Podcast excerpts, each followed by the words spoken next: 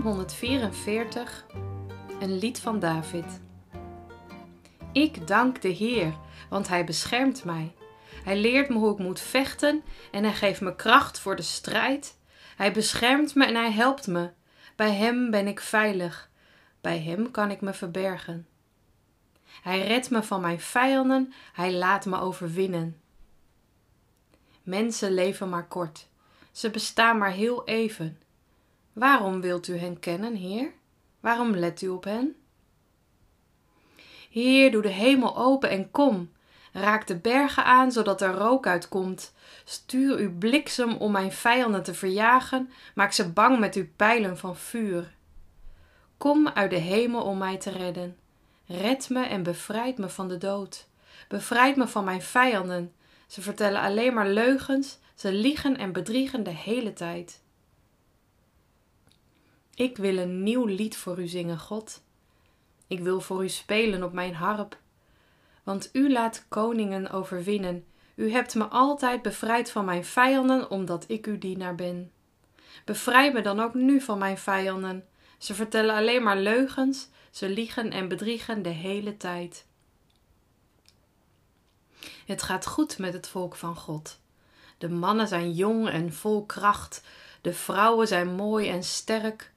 Alle schuren zijn goed gevuld, ze zijn vol met voedsel, meer dan genoeg. Op de velden lopen schapen en geiten, het zijn er ontelbaar veel. De koeien zijn mooi en vet. Het volk van God wordt niet aangevallen en niemand hoeft te vluchten. Niemand huilt, niemand heeft verdriet. Gelukkig zijn mensen die een goed leven hebben. Gelukkig zijn mensen die de Heer vereren.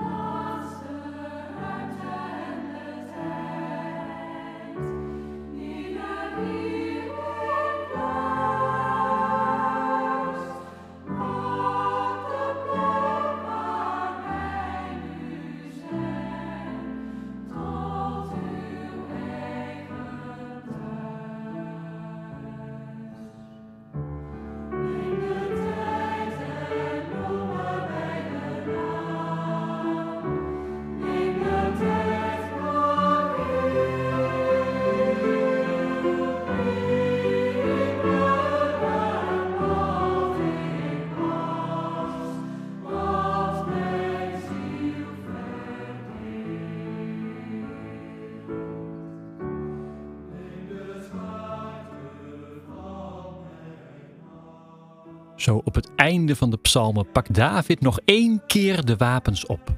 Er zijn altijd wel vijanden die een kopje kleiner gemaakt moeten worden.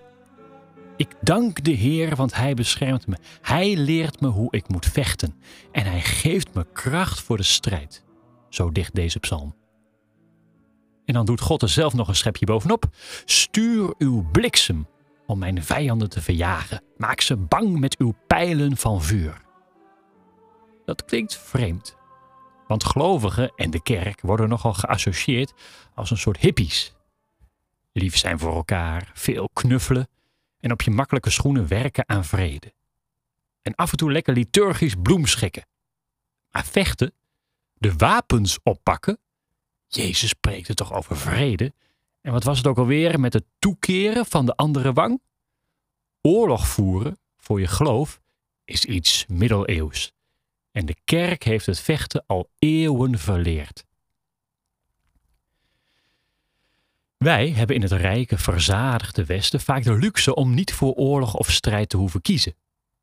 Wat staat er voor ons nou echt op het spel? Ons geloof, ons onderdak, onze veiligheid? Nee toch? Maar wat als dat wel weer het geval zou zijn? Wat zou je doen als je familie wordt weggevoerd, gedeporteerd, vervolgd?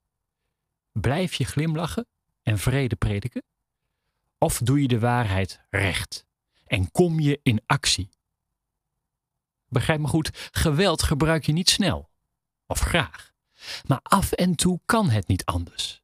De nazi's in de Tweede Wereldoorlog konden niet worden overtuigd aan de onderhandelingstafel, maar ze moesten worden bestreden op het slagveld. Hoe verschrikkelijk ook, soms moet je de wapens oppakken. En inderdaad, Jezus koos die weg niet, al werd hij wel tot het uiterste getergd. Dat lijkt goddelijk, niet te doen, maar is uiteindelijk ook heel humaan, heel menselijk. Je slaat er pas op los als er werkelijk geen andere weg naar de vrede is.